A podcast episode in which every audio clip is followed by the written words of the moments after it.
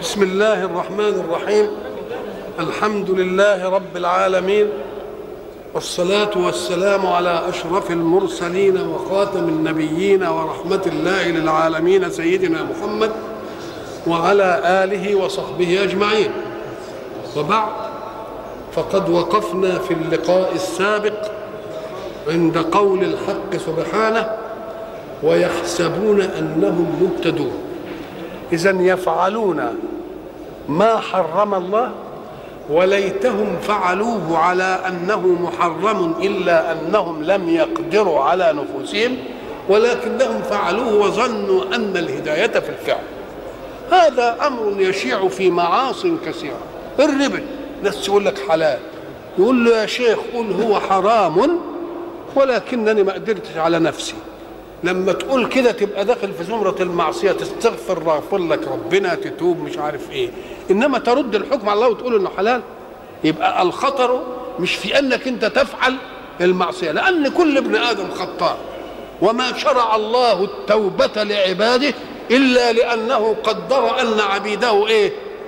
يخطئون ويصيبون. ومن رحمته أنه شرع التوبة. ومن رحمته الثانية إذا تبنى أن يقبل هذه الإيه؟ التوبة فلماذا تخرج من حيز يمكن أن تخرج منه إلى حيز يضيق عليك فلا تستطيع أن تخرج إيه؟ منه يا بني آدم خذوا زينتكم عند كل مسجد ما هي الزينة الزينة إذا سمعتها تنصرف إلى تجميل فوق قوام الشيء. يعني الشيء له قوام. تقوم أنت إيه؟ تزين فيه. اذا له قوام وله تجميل وتزيين. قول الله خذوا زينتكم عند كل مسجد. أي خذوا اللباس الفاخر أحسن لباسنا علشان نروح به المسجد؟ يصح. ولا خذوا زينتكم عند كل مسجد رد على حالة خاصة. وهم أنهم كانوا يطوفون بالبيت عراه ألا تكن كالبهائم ده زينتك أن تستر عورتك. يبقى المراد بالزنا هنا إيه؟ ستر العورة. أو المراد بالزنا ما فوق ضروريات الستر. يصح وإيه؟ ويصح. خذوا زينتكم عند كل مسجد. طيب إذا كان المراد بها اللباس الطيب الحلو قال لك آه لأن المسجد مكان اجتماع عباد الله وعباد الله متنوعون في مهمات حياتهم وكل مهمة في الحياة لها زيها ولها هندامها. فالذي يجلس على مكتب ليلقى الناس وإلى آخره له لبس واللي في الورشة له لبس. لا هذا اللبس غير مفضل على هذا لأن ده لبس مناسب للعمل وده لبس. لكن إذا ذهبتم إلى المسجد لتجتمعوا جميعا في لقاء الله أيأتي كل واحد بلباس مهنته ليدخل المسجد؟ قال لك لا. اجعل للمسجد لباسا. هذا اللباس ما يضايقش غيرك.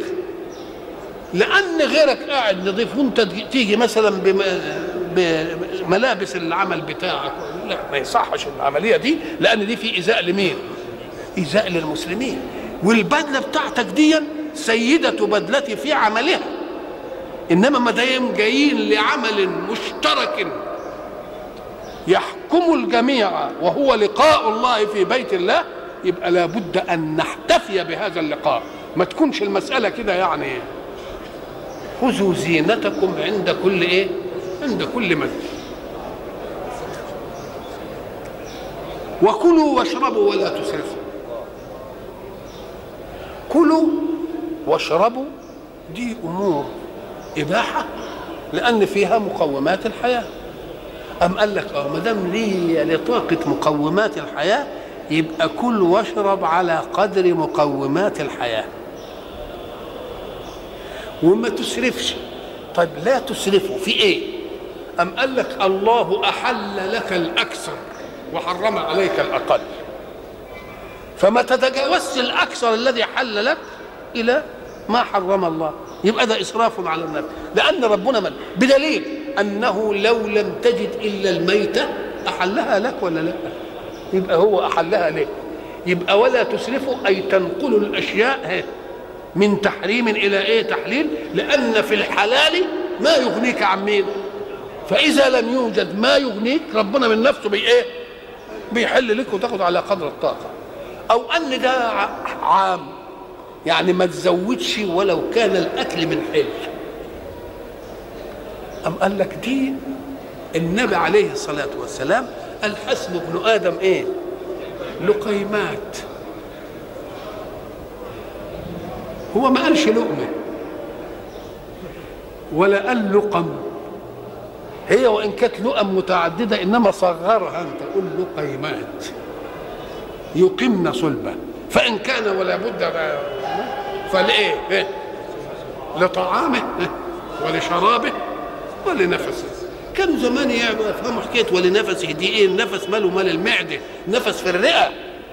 انما بعد ما الطب تقدم بقى لك لما بتدخل المعدة وتملاها كلها. بتضغط على الحجاب الحاجز ساعة ما تضغط على الحجاب الحاجز ضيقت حجم الرئة وضيقت حجم الرئة يبقى معناه إن كمية الهواء اللي, اللي عايز يبقى قليل تبقى إيه؟ تبقى تعب تبقى العلم جه يأيد مين؟ ولذلك الرشيد أمير المؤمنين هارون الرشيد. كان عنده طبيب نصراني. واتك قوي على إن الرشيد خليفة المسلمين وعنده طبيب نصراني. شوف كيف أمن الرشيد وهو أمير المؤمنين. النصراني على أعز شيء عنده وهو. اذا في تعاون وفي أدي واحدة فالطبيب النصراني سأل واحد من حاشية الرشيد اسمه علي بن الحسين بن واقد. وقال له أي الطبيب النصراني قال لعلي بن الحسين ليس في كتابكم أي القرآن من علم الطب شيء. والعلم علمان. علم أبدان وعلم أديان. دي واخدها من طغيان الفهم الكنسي للمسيحية. إن دي معزولة عندي. الأديان والأبدان. نقول له يا شيخ الإسلام ما يعرفش دي الأبدان والادان كله. كل حركة في الحياة من دين الله. مش دين يا شيء ولذلك ما يصحش تقول دين ودنيا. يغلطوا كتير. يقول لك دين وإيه؟ دنيا قول له لا الدنيا تقابلها الآخرة. والدين للجميع. للدنيا ولمين؟ ليه؟ أم قال لك لأن الآخرة دي جزاء على عملك في الدنيا. يبقى الدين موضوع الآخرة ولا موضوع الدنيا؟ موضوع الدنيا. ده الآخرة جزاء. الآخرة إيه؟ جزاء. قال أنتم مع ليس في كتاب الله شيء وليس في كتابكم من إيه؟ من علم الطب شيء. العلم علمان علم أبدان وعلم. يبقى الكتاب بتاعكم فيه الأديان إنما ما فيش فيه علم الإيه؟ علم الأبدان. نقول له يا شيخ الأديان ده الأديان ما تصيغ إلا بالأبدان. ليه؟ أما قال لك لأن الأديان تكاليف. والتكاليف تقتضي طاقة. والطاقة تقتضي محافظة على سلامة البدن. وسلامة البدن عايز كذا وعايز كذا وعايز كذا. يبقى لما تسلسل الراجل اللي عايز يعمل بس عبادة نقول له يا شيخ انت بس عامل عبادة تعبد هتصلي؟ يقول لك آه. طب تصلي بإيه؟ لك طاقة؟ وقوة. قال لك آه. طب مش عاوز تاكل؟ أيوه عاوز تاكل. وتعوز تستر العورة؟ وتستر العورة. طب ما تشوف الأكل ده بيجي إزاي؟ انسب الأكل كده إلى مجال. تجد استوعب كل حركات الحياة. انسب الشراب استوعب كل. يبقى ما لا يتم الواجب وهو الصلاة إلا به فهو واجب. فهو إيه؟ فهو واجب. فلما قال له ليس في كتابكم من علم الطب شيء؟ العلم نوع علمان علم أبدان وعلم أديان. ماذا قال علي بن الحسين؟ قال له لقد جمع الله الطب كله في نصف آية. كلوا واشربوا ولا تسرفوا. يبقى لقد جمع الله الطب كله في إيه؟ في نصف آية كلوا واشربوا ولا تسرفوا.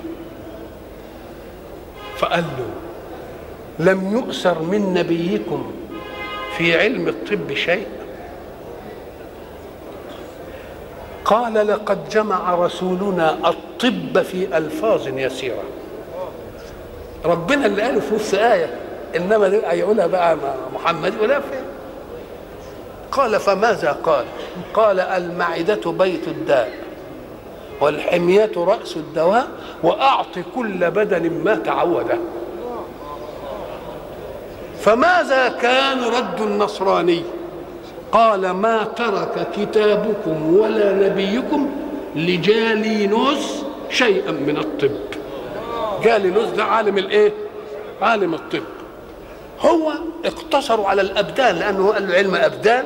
فجاب له كلوا واشربوا إنما لو أنه حب يتوسع يقول الابدان دي ده قالب.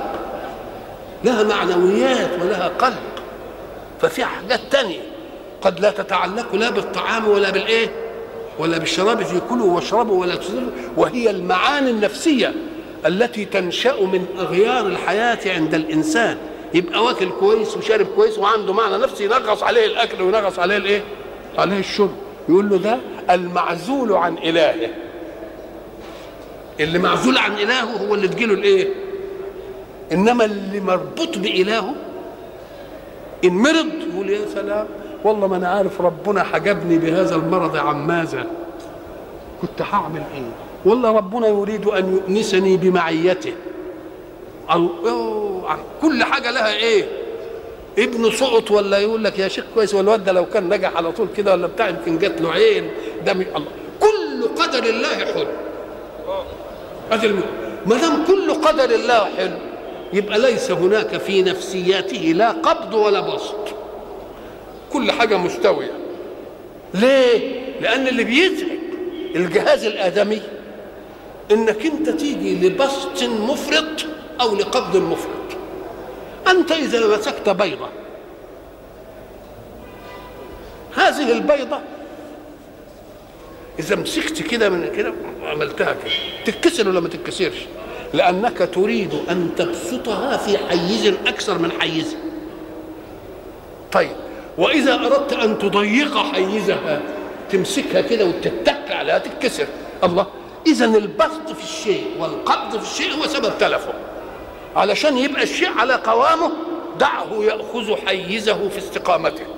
لا تحاول أن تعطيه في حيز أكثر من حيزه فتشققه ولا في أضيق من حيزه فت إيه فتكسره.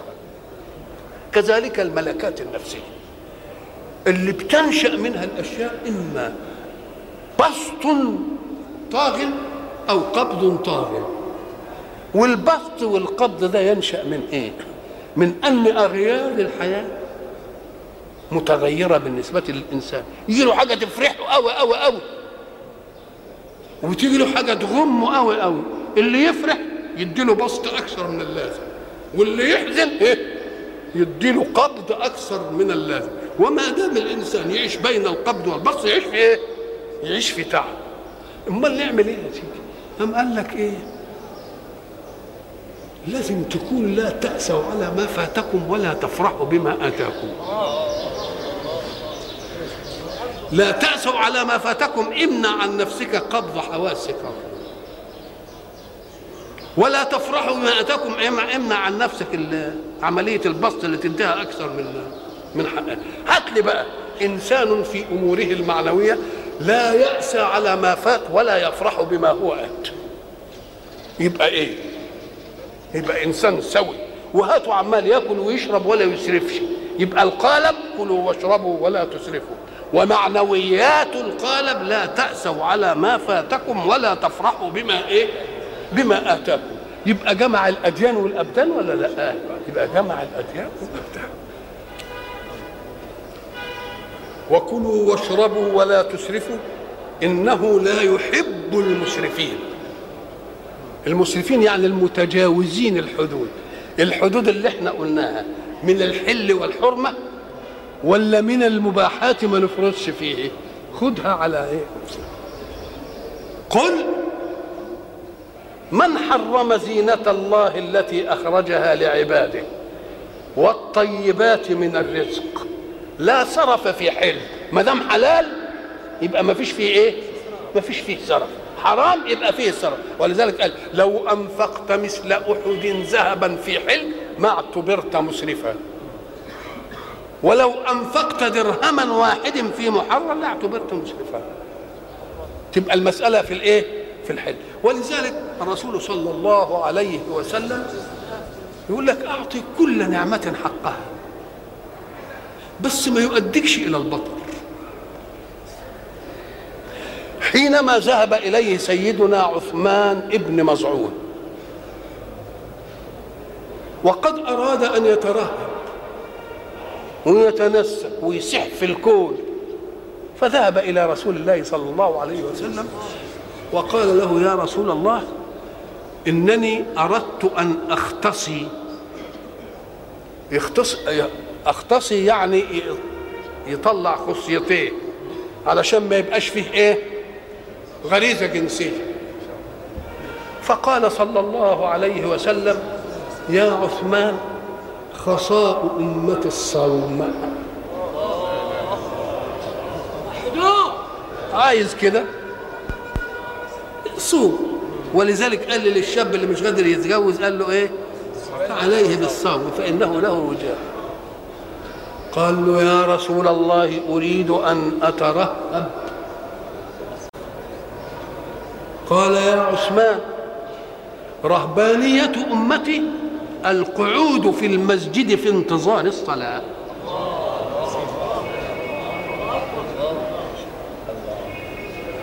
قال يا رسول الله أريد أن أسيح في الأرض. قال سياحة المؤمن غزو في سبيل الله أو حج أو عمرة. كل حاجة لها قال يا رسول الله لقد أردت أن أطلق امرأتي. قال الهجرة هجرة ما نهى الله عنه قال إذا فلا أغشاها.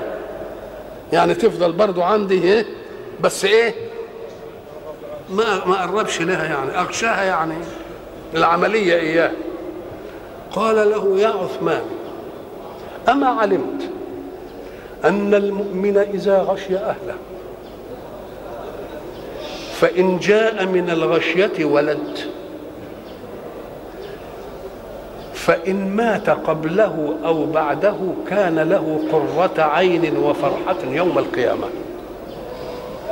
وإن مات قبل أن أن يبلغ كان له شفيعا وفرطا وزهرا. وإن لم ينجب من هذه الغشية مش كل غشية بقى هتجيب ولد. وإن لم ينجب من هذه الغشية خلق الله له من غلمان الجنة ما يخدمه. وصيف يقعد له في الجنة يبقى كل مرة ما يحصلش بقى حمل يبقى ربنا يديله بقى إيه؟ يبقى يديله بقى إيه؟ وصيف. قال لقد أردت ما هو ضيق عليه كل ما يقول حاجة الرسول صلى الله عليه وسلم. إيه؟ اديله جواب. قال له يا رسول الله لقد أردت أن أخرج عن مالي.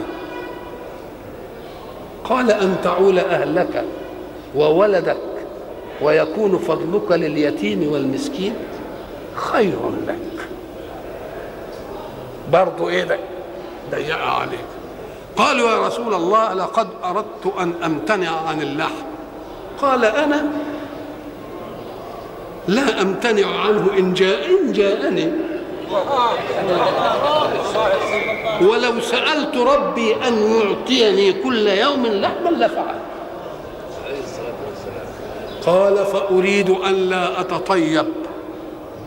قال له جبريل أمرني بالتطيب غبه يعني يوم بعد يوم بعد أسبوع بعد يعني ولكنه أمرني به يوم الجمعة.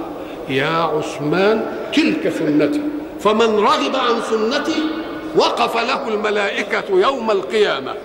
وصرفوا وجهه عن حوضي. تلك سنتي.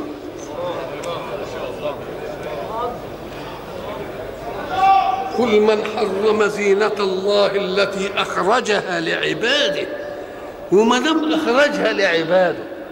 الزنا والحاجة الحلوة اللي نفعت للإناث قال خلوها للإناث واللي ادعى للذكور قال لا بلاش أنتوا بلاش دي.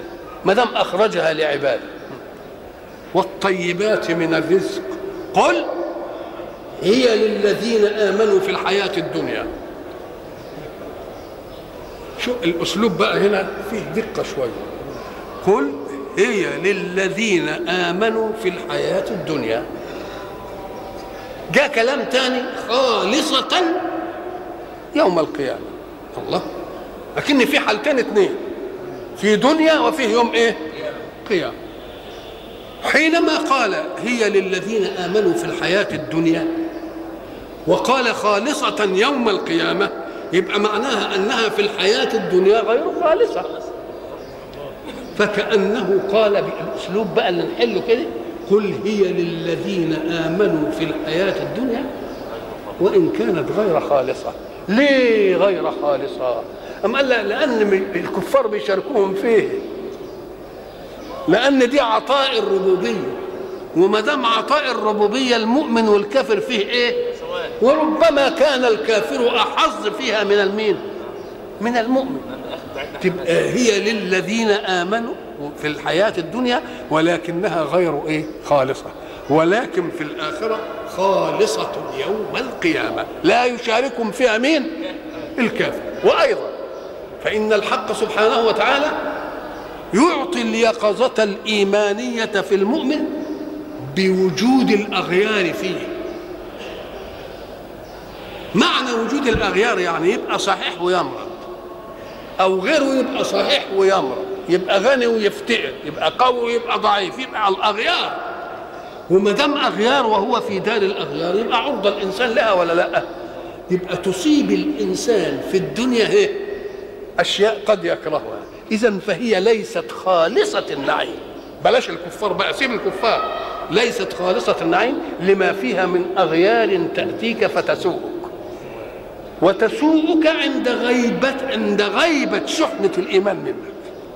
لأنك لو استصحبت شحنة الإيمان عند كل حدث أجراه الله عليك للفتك الله إلى حكمته. وعرفت دي جاية ليه ودي جاية ليه ودي جاية ليه وده إيه؟ قال لك. اذا فالدنيا فيها للإنسان نعيم. إلا أنه يشاركه فيها الكافر تبقى غير خالصة له.